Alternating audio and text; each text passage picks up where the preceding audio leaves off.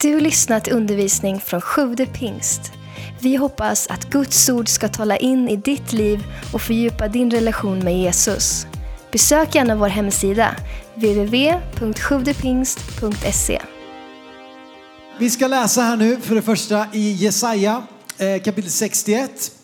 Och så ska vi bara hitta någonting som ska få bli starten på den här predikan. Och de här kick-off-söndagarna så tänker man ju mycket så här, vad, eh, liksom man vill ju alltid såklart fråga Gud vad han vill säga i den här tiden. Men särskilt de här söndagarna så är, har man ju liksom, Gud vad vill du säga till oss? Vad vill du skicka med oss? Jag tror på något sätt att, eh, att det här är någonting som Gud vill säga till oss faktiskt i den här tiden. Så hoppas att du vill lyssna med ett öppet hjärta eh, och att det ska få, få hjälpa oss den här söndagen och tiden framöver.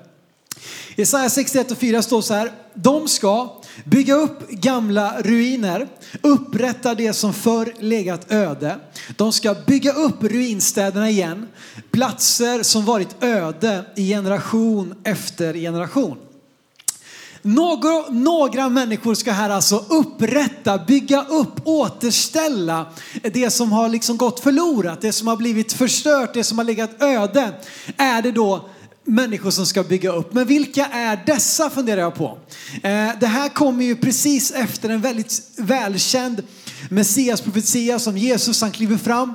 Eh, ungefär 700 år senare så kliver han fram när han är i eh, Nasaret. Så går han fram i synagogan och så ber han om att få Jesaja bokrulle. Och så läser han ifrån Jesaja 61 och så börjar det kapitlet så här att, att Herrens ande är över mig. Han har smort mig till att predika ett glädjebudskap för de fattiga, syn för de blinda. Eh, och så fortsätter det vad Jesus kom för att göra och predika ett nådens år från Herren. Så att de människorna som får ta emot detta eh, få sina liv förvandlade.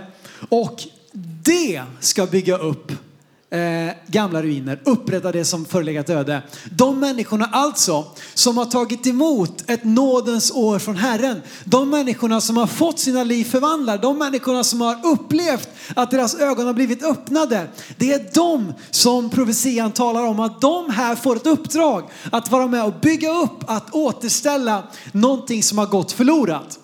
Eh, och det är du och jag många utav oss. Kanske du är här som är liksom ännu inte tagit ett steg att bli en kristen, men då är du väldigt välkommen att bli det. Eh, och då kan du också få ta till dig det här budskapet. Men varje människa som har då mött det här budskapet, nådens år ifrån Herren, evangeliet, goda nyheter, fått upptäcka vem Jesus är. Det är dessa människorna, du och jag, församling, Guds församling runt om i hela världen som ska bygga upp ruiner, upprätta det som legat öde.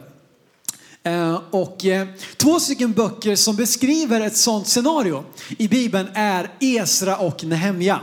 Eh, jag vet inte om du har läst dem, men har du inte gjort det så, så är det dagens lästips, dagens boktips. Esra och framförallt Nehemja som vi vill fokusera på idag. Jag ska sälja, svälja min halstablett också för det är min mamma hon har lärt mig många saker. Hon har sagt att du ska inte ha tuggummi i munnen när du predikar och jag antar att det gäller halstabletter också. Så det är bäst att hålla sig till sådana viktiga saker.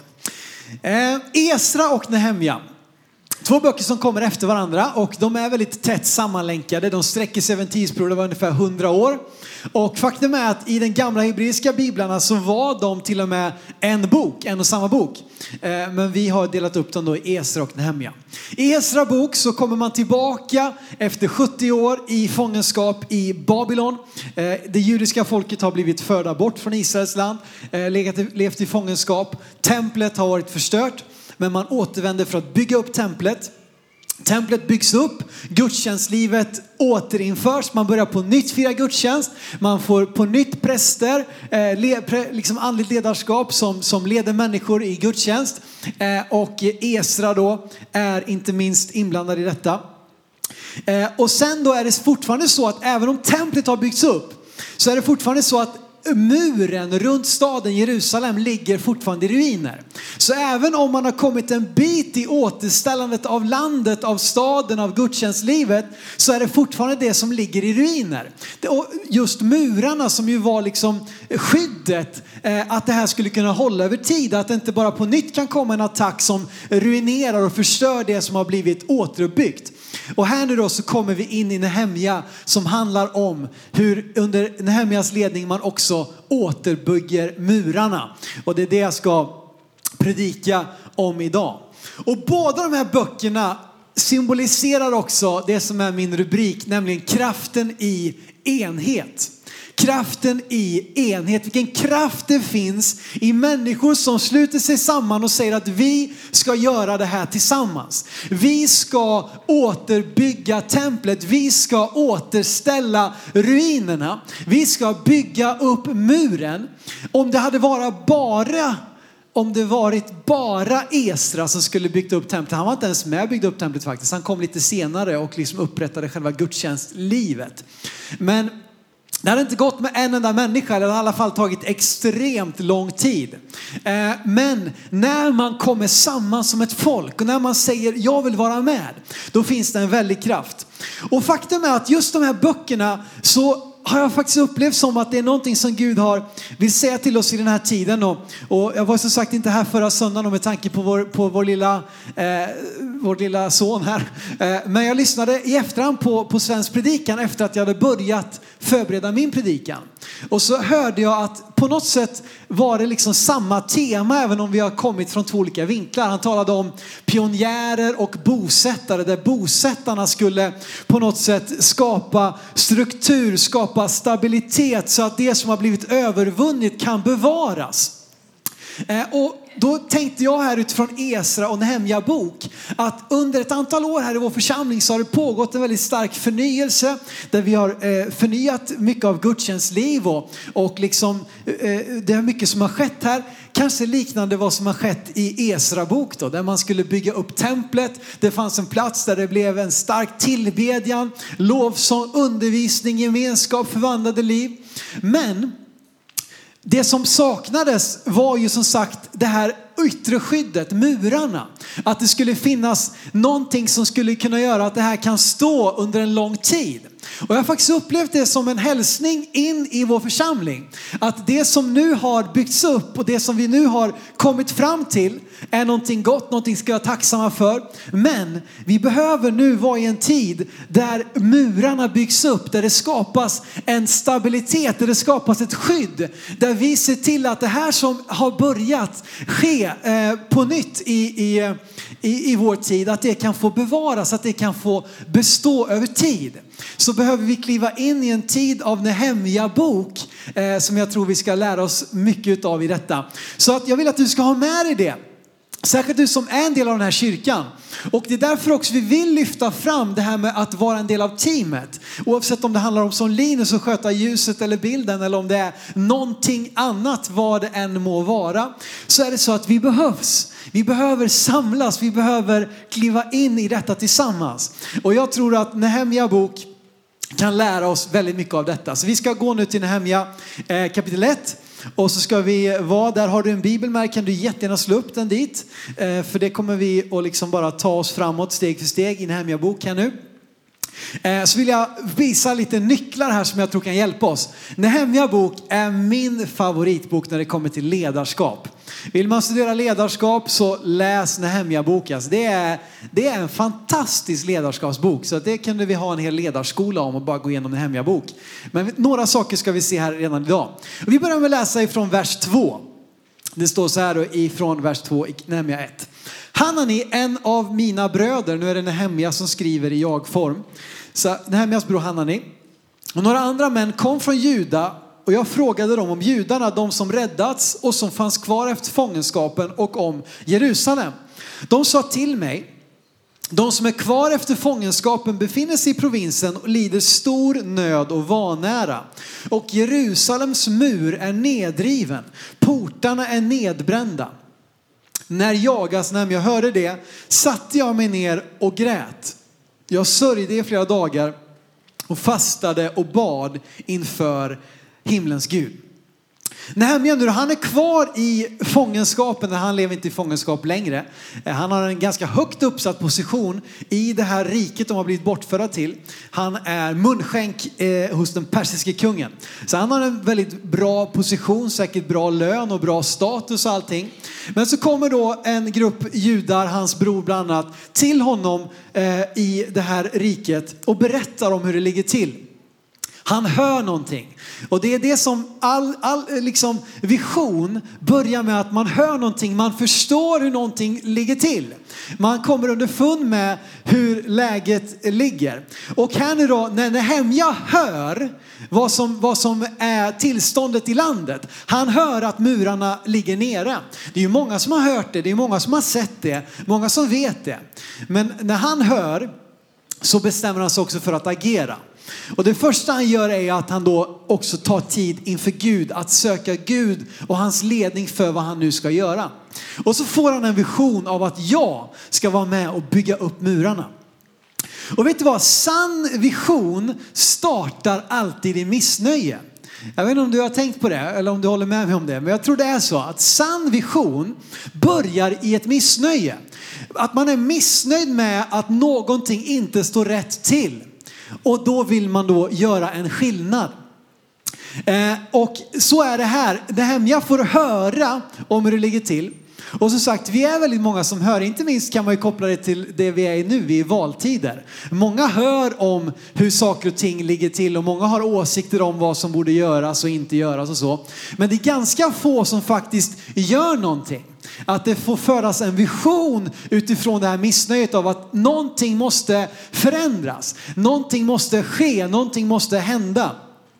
Och Nehemjas vision då, den föds här nu, inte bara i att han i egen kraft tänker till, utan han söker Gud i bön. Och utifrån det här missnöjet med att murarna kan inte ligga nere, så får han i bön med, hos Gud, i bön inför Gud, får han en vision av att, av att han ska vara med och eh, bygga upp den här, eh, den här muren igen. Och det var inte bara fina ord. Det kan ju bli så ibland med visioner att vi, liksom, vi anlitar någon konsultfirma och så blir det fina ord, någonting som låter bra. Men att det är någonting som har sitt ursprung i att någonting inte står rätt till. Någonting måste förändras. Och så var det här för Nehemja. Och vår vision i den här kyrkan det är förvandlade liv och vi har ägnat hela sommaren åt att predika om det, om hur människor fick sina liv förvandlade i Bibeln. Det kan man tycka, men det där är väl bara fina ord. Nej men vet du vad? Att vi är i ett land som desperat behöver förvandlade liv.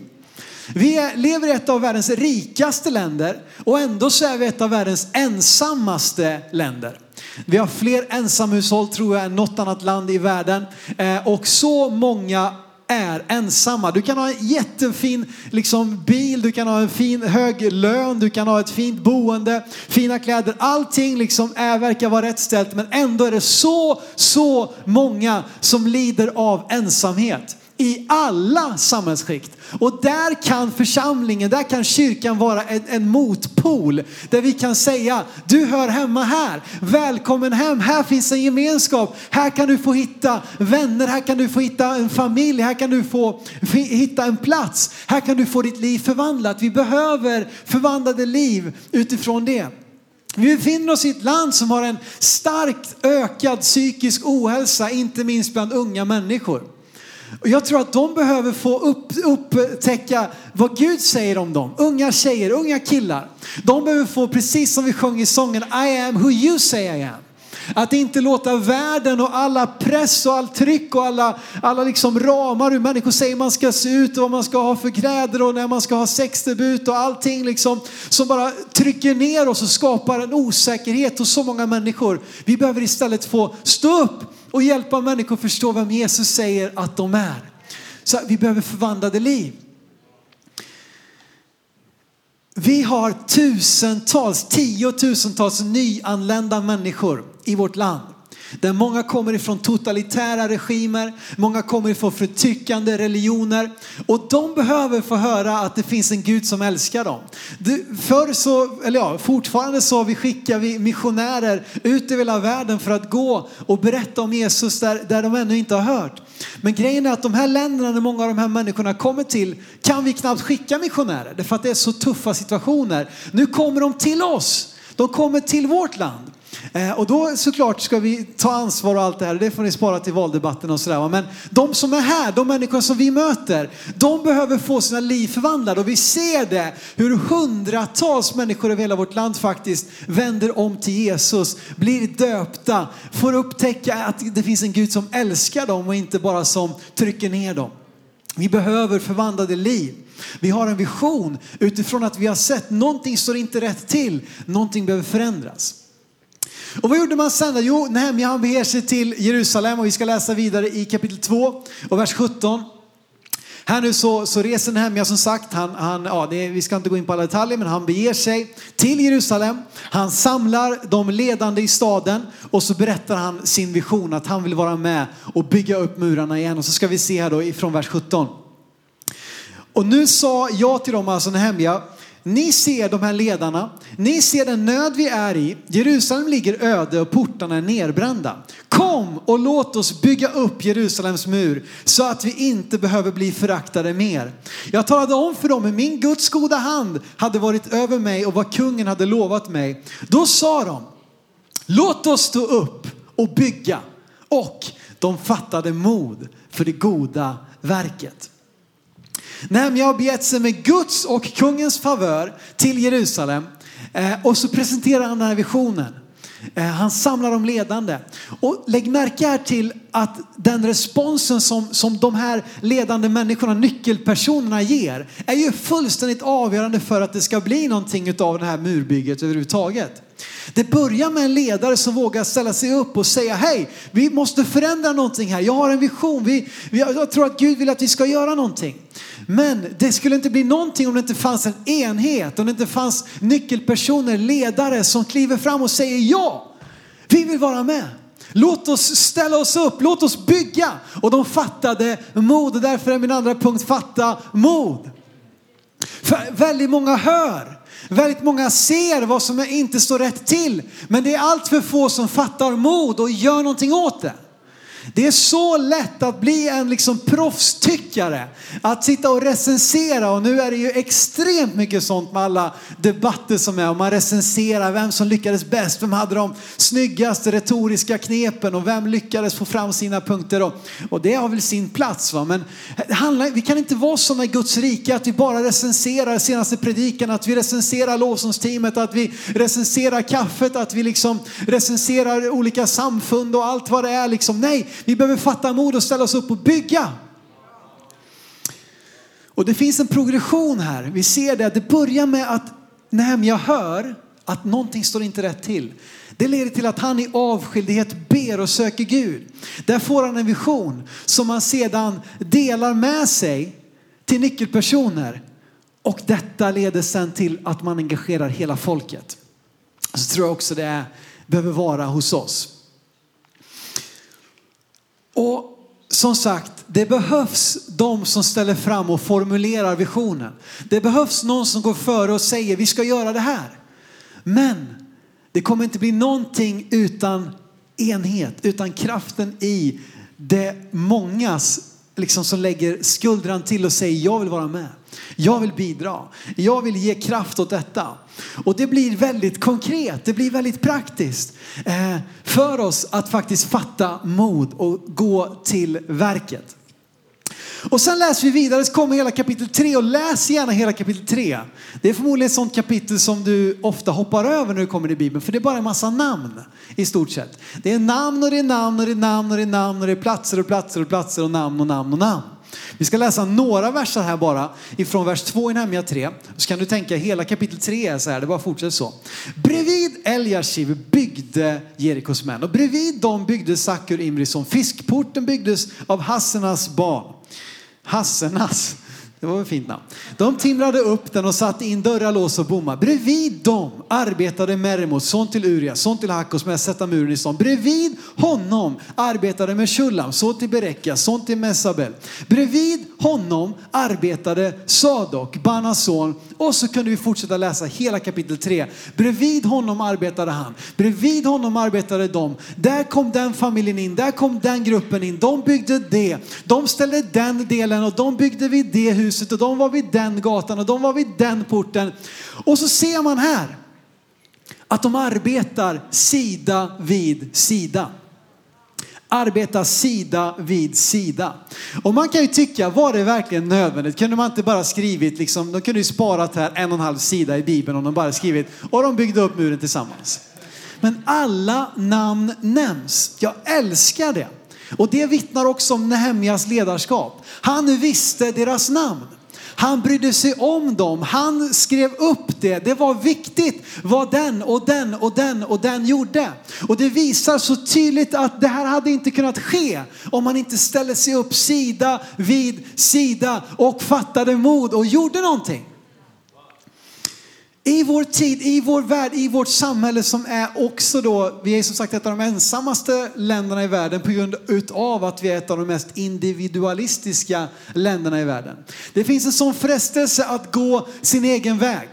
Att inte tycka att något sammanhang är tillräckligt bra, att inte tycka att någon ledare är tillräckligt bra, att inte tycka att någon kyrka, något parti och så liksom, ja, jag, jag, går, jag gör min egen grej. Det finns en jättefrestelse i det. Eh, och vi vill bli idol, vi vill ha liksom plattform, vi vill synas, vi vill märkas, vi vill få credit, vad det nu är för någonting. Men kraften i hela Nehemja bok är just i detta. De arbetade sida vid sida. Bredvid honom stod de, bredvid dem kom de, bredvid dem var de. Kraften i enhet, det var det som byggde upp murarna. Inte att alla gick sin egen väg och jag tycker vi ska göra det här. Och, och, och Självklart ska vi uppmuntra varandras idéer och så, men alla kan, vi kan liksom inte, alla kan inte få, ha en idé och så ska vi göra det och så ska vi sprida ut oss åt 25 olika håll. Vi behöver stå sida vid sida. Och grejen är att när jag inte tar min plats så betyder det att jag dumpar det ansvaret på den som står bredvid mig. Eh, och det här är inte en, en, en, du ska inte ta det här som en press nu, att oj, vad måste jag göra? Nej, men ta det som en uppmuntran att du behövs. Du behövs, det finns en plats för dig runt den här muren. Inte på samma ställe som alla andra, men du behövs. Och när du så att säga inte kliver in och tar den platsen så saknas någonting. Varje kroppen är hel när varje del är med. Och därför vill jag utmana dig, uppmuntra dig till att bli med. Tjäna på det sättet som fungerar för dig. Men kom in i, liksom, i gänget, kom med i, i arbetet, i det stora teamet. Där vi både ber och arbetar tillsammans. Eh, där vi tjänar Gud. Och du behövs på den platsen där Gud vill ha dig. Och jag kanske inte själv får bestämma vilken del av porten jag ska bygga. Men det är inte det som är det viktiga i Guds rike. Det handlar inte om vilken position jag har. Det handlar om att det stora verket går framåt. Det handlar om att Guds rike växer. Det handlar om att människors liv blir förvandlade. Och vad min del är i det, det blir mindre viktigt så länge jag ser att helheten fungerar. Och helheten fungerar när detaljerna fungerar. När människor är i funktion. Så jag vill uppmuntra dig, bli med. Du vet att i vers 14 här står det om att det var några som byggde vid dyngporten. Någon måste bygga dyngporten. Ett par verser senare står det att några var och byggde vid hjältehuset. Alla kanske vill vara vid hjältehuset och bygga, men någon måste bygga dyngporten. Det kan vara lite skitgöra ibland. Eh, men det är så, vi behöver vara med, vi behöver vara en del. Eh, och det är min uppmuntran till er att låta det bli väldigt konkret. Att det får kropp, att det blir, leder till en handling i ditt liv. Att det här som du har fått av Gud, om du har varit en av dem, precis som vi läste om i Jesaja 61, som har hört om ett nådens år från Herren, som har upplevt Guds goda hand över ditt liv, som har fått dina ögon öppnade av Gud själv, att du också blir en av dem som är med och bygger upp ruinerna, återställer stigarna och så vidare. Christine Kane som är en fantastisk predikant, hon har sagt en väldigt bra sak bland annat som jag ofta citerar. Nämligen det här att jag är hellre en liten del av ett stort vi än en stor del av ett litet jag. Du kan, om, du, om du bara vill liksom tänka på dig själv, då kan du få ha alla, alla rollerna. Du kan få ha alla positionerna, du kan få bestämma precis allting. Men lilla jag kommer inte komma lika långt som stora vi. Hellre att jag får vara en liten del av ett stort vi än en stor del av ett litet jag. Min nästa punkt är behåll fokus. Behåll fokus, behåll fokus. För att det är ganska lätt att bli liksom sådär lite gasad och yes, nu ska vi göra det, vi ska ta dem, vi ska, vi ska liksom vinna, vi ska kämpa här. Men efter kapitel 3 som ju handlar om alla de här namnen, alla eh, roller de arbetade sida vid sida så har vi kapitel 4, 5 och 6 som alla beskriver olika svårigheter. Olika utmaningar, olika motstånd som de fick möta på när de faktiskt ställde sig upp och byggde. Du vet när du gör någonting då kommer kritik att komma. När du gör någonting då kommer utmaningar att dyka upp. När någonting växer då tappar vi ofta kontrollen.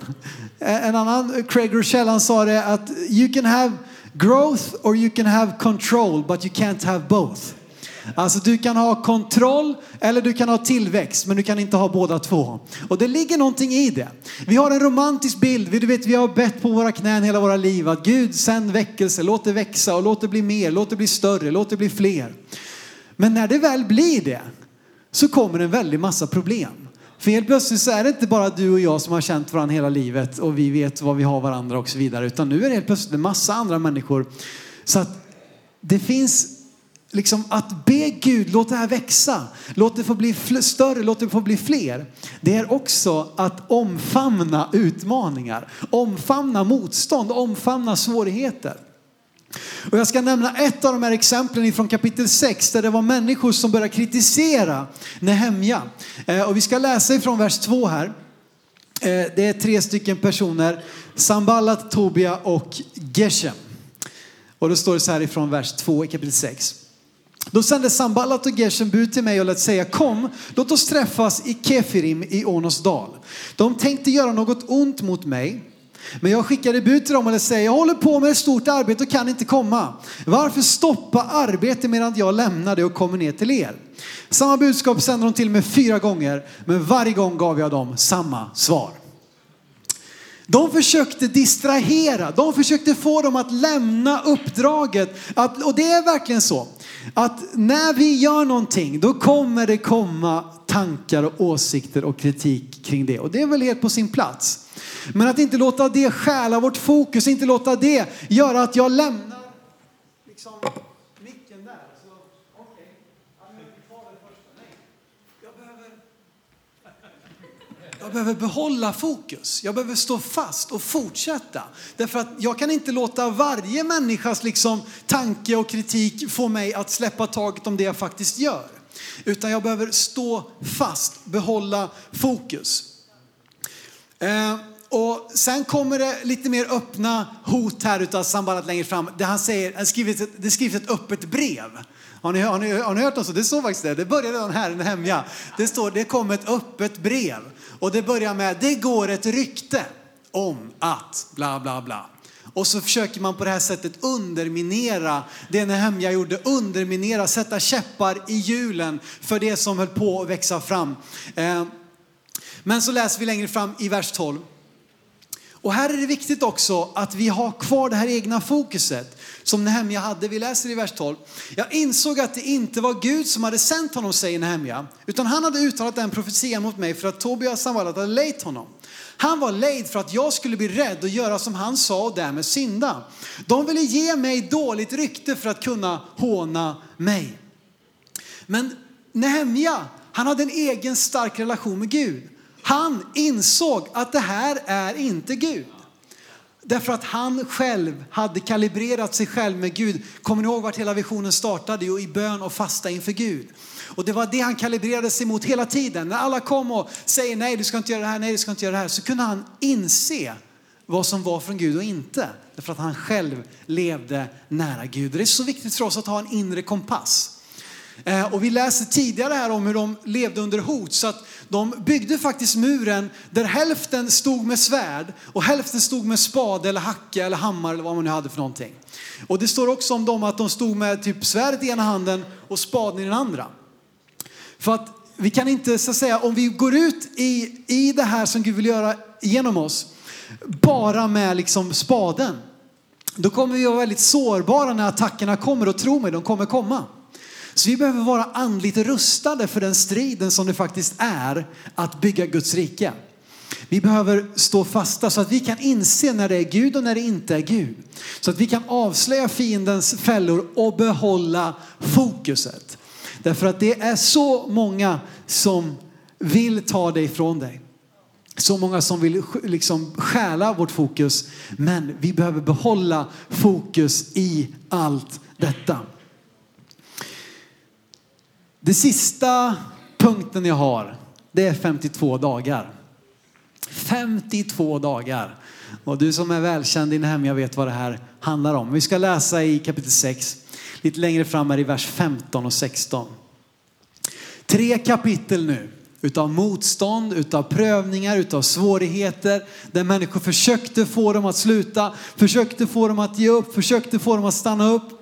Men vi läser i Nehemja kapitel 6 vers 15 till 16. Muren blev färdig på 25 dagen i månaden Elul. Det var inga liksom Julianus eh, månader där. Månaden Elul efter 52 dagar. 52 dagar. När alla våra fiender hörde detta och alla folken runt omkring oss såg det sjönk det djupt i sina egna ögon. De förstod att detta arbete var vår Guds verk. 52 dagar. Smaka på den lite grann. 52 dagar. De gamla murarna runt Jerusalem, de revs år 587 före Kristus. De ligger i ruiner ända fram till 445 före Kristus. Alltså i 142 år. I 142 år är de här murarna i ruiner. Och när väl folket bestämmer sig att tillsammans bygga upp den, då tar det 52 dagar. Och nu börjar jag spotta här framme på scenen för det här är nu vill jag verkligen liksom understryka det med spottloska här. Liksom. 52 dagar tog det. Det är vad kraften i enhet är. När folket sluter upp kring en enad vision som är given av Gud, som är född ur ett missnöje med att vi kan inte ha det så här. Vi kan inte ha det så här att generation efter generation försvinner ifrån våra kyrkor. Vi kan inte hela tiden dra upp statistik, ja om bara alla hade varit kvar i våra kyrkor hade vi varit si och så många. Vi kan inte ha det så här att det varje år läggs ner fler frikyrkor än vad det startas nya. Vi kan inte ha det så här att kyrkan blir mer och mer marginaliserad och mer och mer perifer i samhället. Vi måste vända trenden, vi måste få se en förändring. Och jag tror att om vi bestämmer oss tillsammans, om vi sluter upp, om vi ställer oss sida vid sida, det kommer inte hända självt. Det vore skönt om du gjorde det. Det kommer inte hända för att Martin och Jonte står här framme liksom och drar en det ena och en det andra skämtet efter det tredje. Liksom. Det kommer inte hända tack vare det. Men det kommer hända när vi tillsammans skämtar hela tiden. Nej jag skojar. Det kommer hända när vi står sida vid sida allesammans. Och då kanske inte jag får vara med och bygga hjältehuset. Men hallå, dyngporten är ledig. Det finns, ja, wake, vad heter det, vakanta poster vid dyngporten. Kan du kliva fram, ta din plats. Och jag tror att det kommer att kunna ske så mycket, så mycket snabbare än vad vi hade anat och trott. 142 år ligger murarna i ruiner. 52 dagar tar det. 52 dagar alltså. Och jag faktiskt upplevde när jag, när jag förberedde det här att just det här med 52 dagar. Du vet året, hur många veckor har året? 52 veckor. Och jag upplevde faktiskt det här som en sån uppmuntran. För självklart kan det vara så att det finns projekt för en tid och det finns någonting som skulle byggas upp här. Men det finns också ett ständigt pågående arbete. Året har 52 veckor. Och jag tror på något sätt att det är en uppmaning till dig och mig att hålla ut, att fortsätta bygga årets alla veckor. Det finns säsonger, det finns utmaningar, det finns prövningar som försöker på olika sätt ta vårt fokus. Men det finns också ett uppdrag som aldrig tar slut, i alla fall inte förrän Jesus kommer tillbaka. Och det är det uppdraget han har gett oss. Att gå därför ut, predika evangeliet, de goda nyheterna om Jesus Kristus för alla folk och gör dem till lärjungar. Döp dem i Faderns, Sonens och Helige Andens namn och lär dem att hålla allt vad jag befallt er.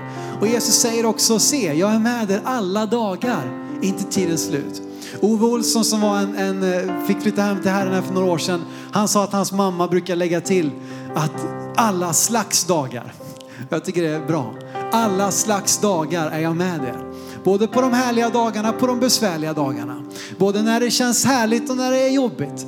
Jag är med er alla slags dagar, så fortsätt, ge inte upp, stig, stig fram, bygg tillsammans. Det är kraften i enhet och vad vi kan göra tillsammans är långt mer än vad vi kan göra en och en. Så jag hoppas att du här i den här hösten och den här tiden som ligger framför vill bli en del av gänget. Du är välkommen, du behövs och du har en plats att fylla. Och så kan vi få se vad Gud kan göra genom dig och genom mig och genom oss tillsammans. Tänk, Gud, vad kan du göra genom oss? Jag tror att det är långt mycket mer än vad vi vågar ens tänka och drömma. Tack för att du lyssnat. Glöm inte att du alltid är välkommen till vår kyrka. Du hittar mer info på www.sjuvdepingst.se